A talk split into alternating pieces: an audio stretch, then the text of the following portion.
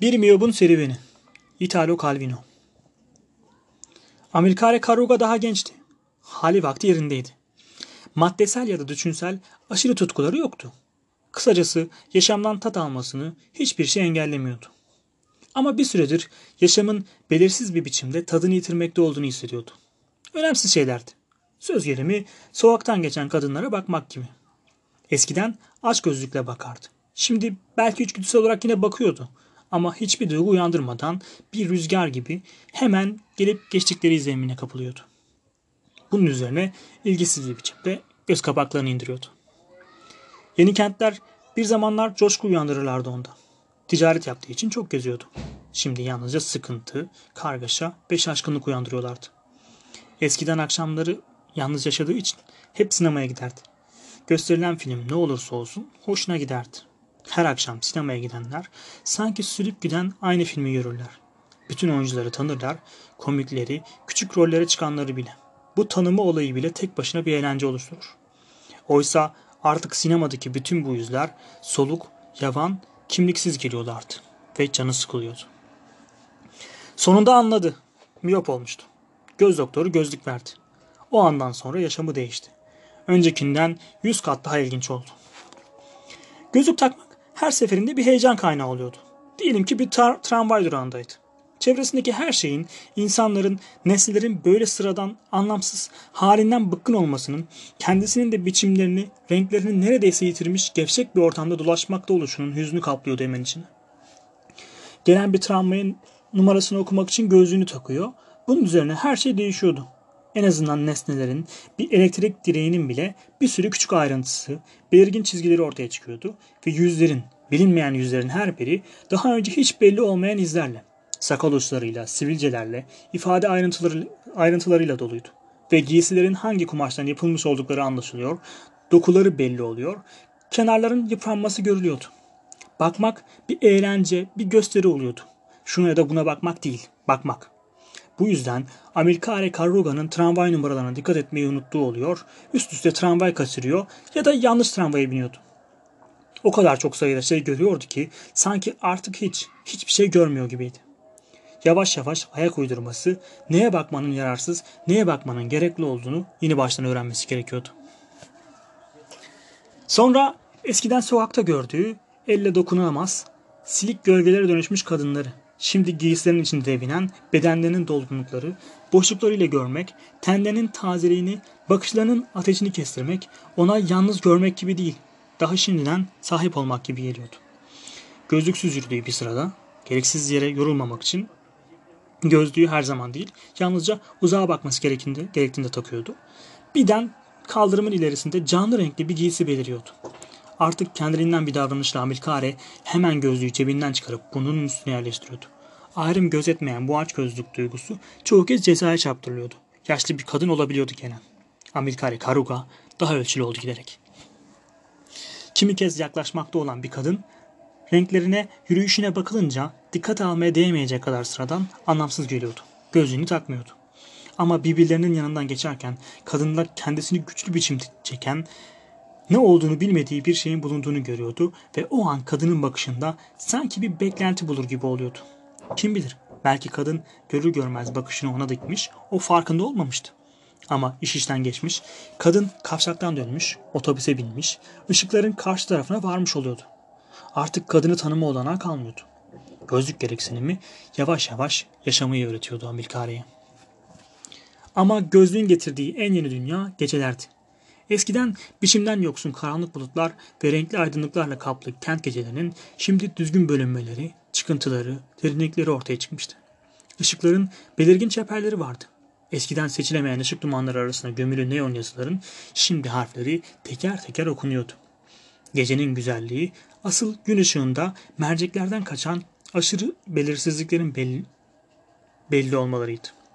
Amilcare Karuga'ya gözlüğünü takmak istediği geliyor ama zaten takmış olduğunu fark ediyordu. Bütünlük duygusu bir türlü doyumsuzluk dürtüsünü alt edemiyordu. Karanlık, kazmaktan hiç yorulmadığı dipsiz bir kuyu gibiydi. Sokakların artık bomboş sarı pencerelerin böldüğü evlerin üstünden gözlerini yıldızlı gökyüzüne kaldırıyordu. yıldızların gökyüzünün dibine kırılmış yumurta gibi yerleşmiş olmadıklarını, çevrelerinde sonsuz uzaklıklar açan keskin mi keskin ışık sancıklı, sancıları olduğunu keşfediyordu.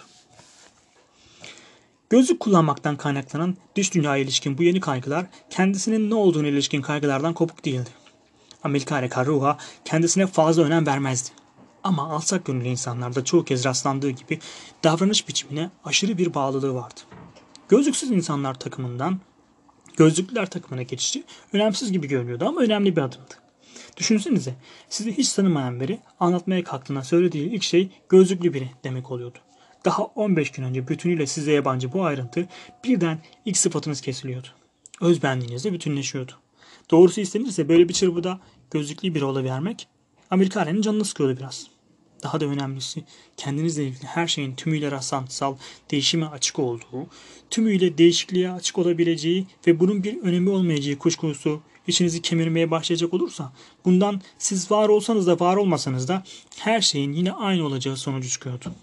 Ve bu noktayı umutsuzluktan ayıran adım çok kısaydı. Bu nedenle çerçeve seçerken Amilkare içgüdüsel olarak çok hafif, küçük, çıplak merceklerin üstünden çıkan bir çift gümüş rengi ince çubukla burun çıkıntısı üstünden bunları birleştiren minik bir köprüden oluşan bir çerçevede karar kılmıştı. Bir süre böyle dolaştı. Sonra mutlu olmadığını anladı. Aynada gözlüklü halini görecek olsa yüzü kendisine yabancı bir insan sınıfına özgü bir yüzmüş gibi çok sevimsiz geliyordu. Bu göze çarpmayan hafif, neredeyse kadınsı gözlüktü onu her şeyden çok gözlüklü biri kılan. Bütün yaşamı boyunca gözlük taktığı için artık gözlüğü olduğunun bile farkında olmayan biri. Gözlük yüzünün görünüşünün bir bölümü olmaya başlamış, çizgilerine karışmıştı. Böylece yüzüyle sıradan bir yüzdü. Ama yine de bir yüzdü. Yabancı bir nesne, bir sanayi ürünü arasındaki doğal çelişki azalmıştı. Sevmiyordu gözlüğünü. Biraz da bu yüzden şıp kırıldı. Başka bir gözlük aldı. Bu kez seçimini karşıt yöne yöneltti siyah plastikten iki parmak kalınlığında at gözlüğü gibi şakaklardan uzanan köşeleri mendeşeli, kulak kepçesini kıvıran ağır saplı bir çerçeve aldı. Yüzünün yarısını saklayan küçük bir maskeydi sanki. Ama altında kendini kendisi gibi hissediyordu. Kendisiyle gözlüğün ayrı ayrı şeyler oldukları besbelliydi. Gözlüğü yalnızca arada taktığı, gözlüksüz bambaşka bir insan olduğu apaçıktı. Yeniden yapısının el verdiği miktarda mutlu oldu. O sırada bazı işler için V'ye gitmesi gerekti. V, Amerikare Karuga'nın doğduğu kentti. Bütün gençliğini orada geçirmişti. Ama 10 yıl önce ayrılmıştı. Zamanla V'ye daha seyrek, daha kısa süreli gitmeye başlamıştı. Kaç yıldır da adım atmamıştı. Uzun süre yaşanan bir ortamdan kopunca insanın nasıl olduğunu herkes bilir. Uzun bir aradan sonra dönülürse oraya yadırganır o kaldırımlar, o arkadaşlar, o kahve sohbetleri ya, ya her şeydir ya da artık hiçbir şeydir. Ya günü gününe izlenir bunlar ya da bir daha girilemez işlerine. Uzun bir süre sonra ortaya çıkma düşüncesi bir tür pişmanlık gibidir. Hemen akıldan kovulur. Bu nedenle Amerikane yavaş yavaş V'ye gitme fırsatlarını aramaz olmuştu. Fırsat çıktığında yararlanmamıştı en sonunda da. Fırsatlardan açıkça kaçmaya başlamıştı. Ama son zamanlarda doğduğu kente karşı bu olumsuz tavrına yukarıda anlatılan ruh durumunun yanı sıra kendisini saran ve miyopluğunun ilerlemesiyle artan genel sevgisizlik duygusu da eklenmişti. Nitekim şimdi gözlük aracılığıyla yeni ruhsal koşullar içinde bulunduğundan V'ye gitmek için çıkan ilk fırsatın üstüne atlamıştı. Oraya gidiyordu. Ve son gidişlerine oranla bambaşka göründü ona. Değişikliklerden kaynaklanmıyordu bu. Evet, kent çok değişmişti. Her tarafta yeni yapılar yükseliyordu. Dükkanlar, kahveler, sinemalar eskisinden bambaşkaydılar. Gençlik mi? Hiçbirini tanımıyordu. Trafik bir zamanlarınkinin iki katıydı. Ama bütün bu yenilikler eskiyi daha iyi tanınabilir kılmaya yarıyorlardı. Kısacası Ambilkare Karuga kenti ilk kez çocukken sahip olduğu gözlerle görmeye başlıyordu. Sanki bir gün önce ayrılmış gibi.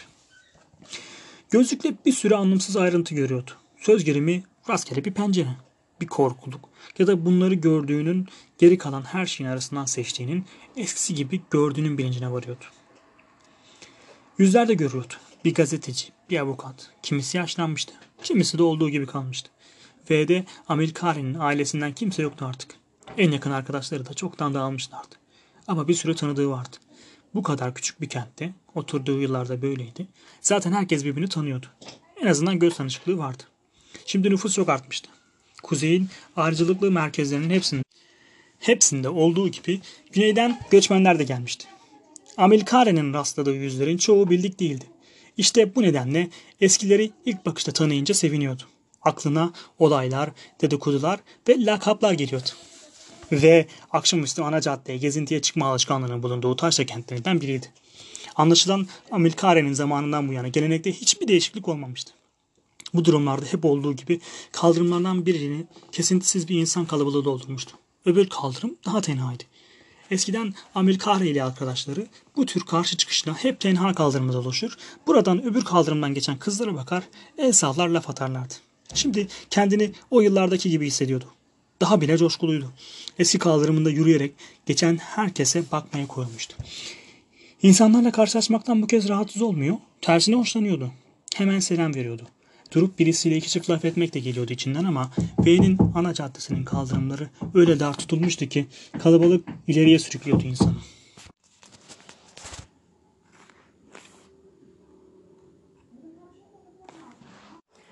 Üstelik şimdi taşıt trafiği de artmıştı. Eskiden olduğu gibi sokağın biraz ortasından yürümek, istenilen yerden karşı kar, karşıya geçmek karşıya geçmek olanaksızdı. Kısacası gezinti ya çok hızlı ya çok yavaş oluyordu. Devinim özgürlüğü yoktu. Amerikane'nin ya akıntıyı izlemesi ya da ters yönde gitmeye çalışması gerekiyordu. Arada bildik bir yüz gibi görür, bildik bir yüz görür gibi olduğunda gözden kaybolmadan önce bir selam belirtisi gösterecek zamanı ancak buluyordu. Bunun görülüp görülmediğini bile anlayamıyordu. İşte okuldan arkadaşı yıllarca birlikte bilardoda oynadıkları Corrado Strazza geliyordu. Gülümsedi. Elini körülecek gibi kaldırdı. Corrado Strazza ona bakarak ilerliyordu. Ama hiç duraklamadan üstünden geçip giden bir bakış oldu bu. Yoluna devam etti. Tanımamış olabilir miydi? Aradan zaman geçmişti ama Amerikare Carruga fazla değişmediğini biliyordu. Ne kilo almıştı ne saçları dökülmüştü. Yüzünde de büyük bir değişiklik olmamıştı. Profesör Kavan'la geliyordu şimdi de. Amerikare hafifçe eğilerek saygılı bir selam verdi. Profesör önce karşılık verecek gibi oldu içgüdüsel olarak. Sonra durdu. Başka birini arıyormuş gibi çevresine bakındı. Profesör Kavan'la gördüğü birini hemen tanımasıyla ünlüydü. Onca öğrencinin hepsinin yüzünü, adını, soyadını, dahası 3 aylık notlarını ansırdı. En sonunda futbol takımının antrenörü Ciccio Charba, Amerikare'nin selamına karşılık verdi. Ama hemen ardından gözlerini kırpıştırıp tanımadığı birinin kim bilir kime verdiği selamını yanlışlıkla almış gibi hafiften ıslık çalmaya başladı. Amerikare kimsenin kendini tanımadığını anlamıştı. Dünyanın geri kalan bölümünü görünür kılan gözlük, bu kocaman kara çerçeveli gözlük onu görünmez kılıyordu. Bu maskeye benzeyen şeyin ardında onca zamandır V'de olmayan, kimsenin karşısına çıkmasını beklemediği Amilcare Karuga'nın bulunduğu kimin aklına gelirdi? Kafasında bu sonuca vardığı sırada İsa Maria Bietti göründü. Bir kadın arkadaşıyla birlikteydi. Vitrinlere bakarak dolaşıyorlardı. Amilcare tam önünde durdu. İsa Maria diyecekti ama sesi boğazında düğümlendi. İsa Maria Bietti dirseğiyle onu sıyırıp arkadaşına şimdi de bu çıktı diyerek yoluna devam etti. İsa Maria Bietti bile tanımamıştı onu. Birden yalnızca İsa Maria için geri geldiğini, yalnızca İsa Maria Bietti için B'den uzaklaşmak istediğini, yıllarca uzak kaldığını, her şeyin yaşamındaki dünyadaki her şeyin yalnızca İsa Maria için olduğunu, en sonunda onu şimdi gördüğünü, göz göze geldiklerini ve İsa Maria'nın da kendisini tanımadığını anladı. Öyle heyecanlanmıştı ki değişip değişmediğini, şişmanlayıp şişmanlamadığını, yaşlanıp yaşlanmadığını, eskisi kadar mı daha mı çok, daha mı az çekici olduğunu fark edememişti. Gelenin İsa Maria olduğunun, İsa Maria'nın da onu göremediğinin dışında bir şey görememişti. Yolun gezinti bölümünün sonuna gelmişti. İnsanlar burada dondurmacının ya da az öteki tek başına gazeteci kulübesinin önünden dönüp kaldırımı ters yönde arşınlamaya başlıyorlardı. Amerikare Karuga da döndü. Gözlüğünü çıkarmıştı. Şimdi dünya yeniden puslanmış, tadı kalmamıştı. Fal taşı gibi açılmış gözleriyle etrafı tarıyor, tarıyor ama hiçbir sonuç elde edemiyordu. Hiç kimseyi tanıyamıyor değildi. İyi ışık alan yerlerde hep bir yüzün kimliğini çözer gibi oluyor ama sandığı insan değilse kuşkusuna kapılıyordu. Kaldı ki kim olup kim olmadığı da büyük bir önem taşımıyordu onun için. Birisi selam verdi. Belki kendisine vermişti ama Amerikare kim olduğunu çıkaramadı tam. İki kişi daha geçerken selam verdiler. O da karşılık verdi.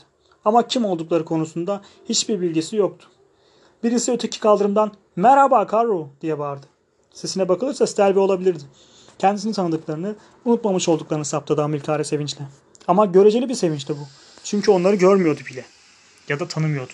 Belleğinde birbirlerine karışan kişilerdi. Zaten fazla da bilgi duymuyordu onlara. İyi akşamlar diyordu arada bir işaret edildiğinde ya da boyut başına oynadığında fark edildiğinde. İşte şimdi selam veren Bellintusi, Caretti ya da Strazza ile durup biraz konuşmak isteyebilirdi. Ama selama acele karşılık vermişti bir kez. Zaten düşününce ilişkilerinin artık yalnızca böyle, sıradan, aceleci selamlar olması gerektiğini doğal buldu. Ama gözlerini etrafta dolaştırmasının bir amacı olduğu belliydi. İsa Maria Bietti'nin izini bulmak. Kırmızı bir paltosu vardı. Bu nedenle uzaktan görülebilirdi. Amilkare bir süre kırmızı bir paltonun peşinden gitti. Ama yanından geçerken olmadığını gördü. Bu arada ters yönde de iki kırmızı palto geçmişti. O yıl yarı mevsimli kırmızı paltolar çok modaydı. Örneğin daha önce aynı paltoyla Cicina'yı tütüncü kızı görmüştü.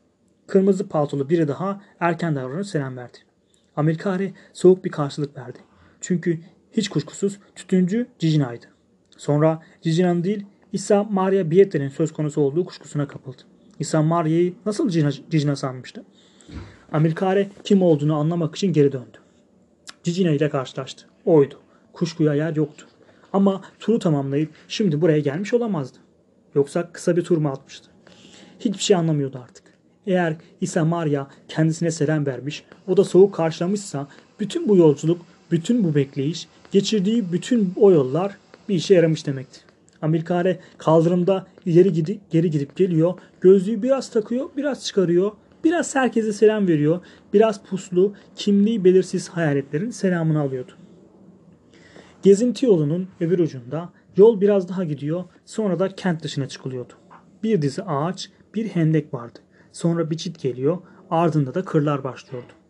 Onun zamanında sevgilisi olanlar buraya sevgilileriyle kol kola gelirlerdi. Olmayanlarsa daha yalnız olmak, bir sıraya oturup bülbülleri dinlemek için gelirlerdi. Amilkare Karra, Karuga o yana doğru devam etti. Kent şimdi biraz yayılmıştı. Fazla sayılmazdı. Sıra, hendek, bülbüller yine eskisi gibiydiler. Amilkare Karuga oturdu. Gece çevredeki görünümünü büyük gölge dilimlerine dönüştürmüştü. Burada gözlüğü takmak da çıkarmak da aynı şeydi. Amilkare Karuga yeni gözlük coşkusunun belki de yaşamındaki son coşku olduğunu ve artık sona erdiğini anlıyordu. Çeviren Rekin Teksol e, sürçülisan ettiysem affola. Çoğu yerde sanırım hmm, sıkıntılı e, konu, bazı kelimeleri atlamış ya da telaffuzda sıkıntı yaşamış olabilirim. E, teşekkürler. Çok sevdiğim bir öyküydü. Bütün miyoplara ve öykü severlere gelsin. Edebiyatla kalın.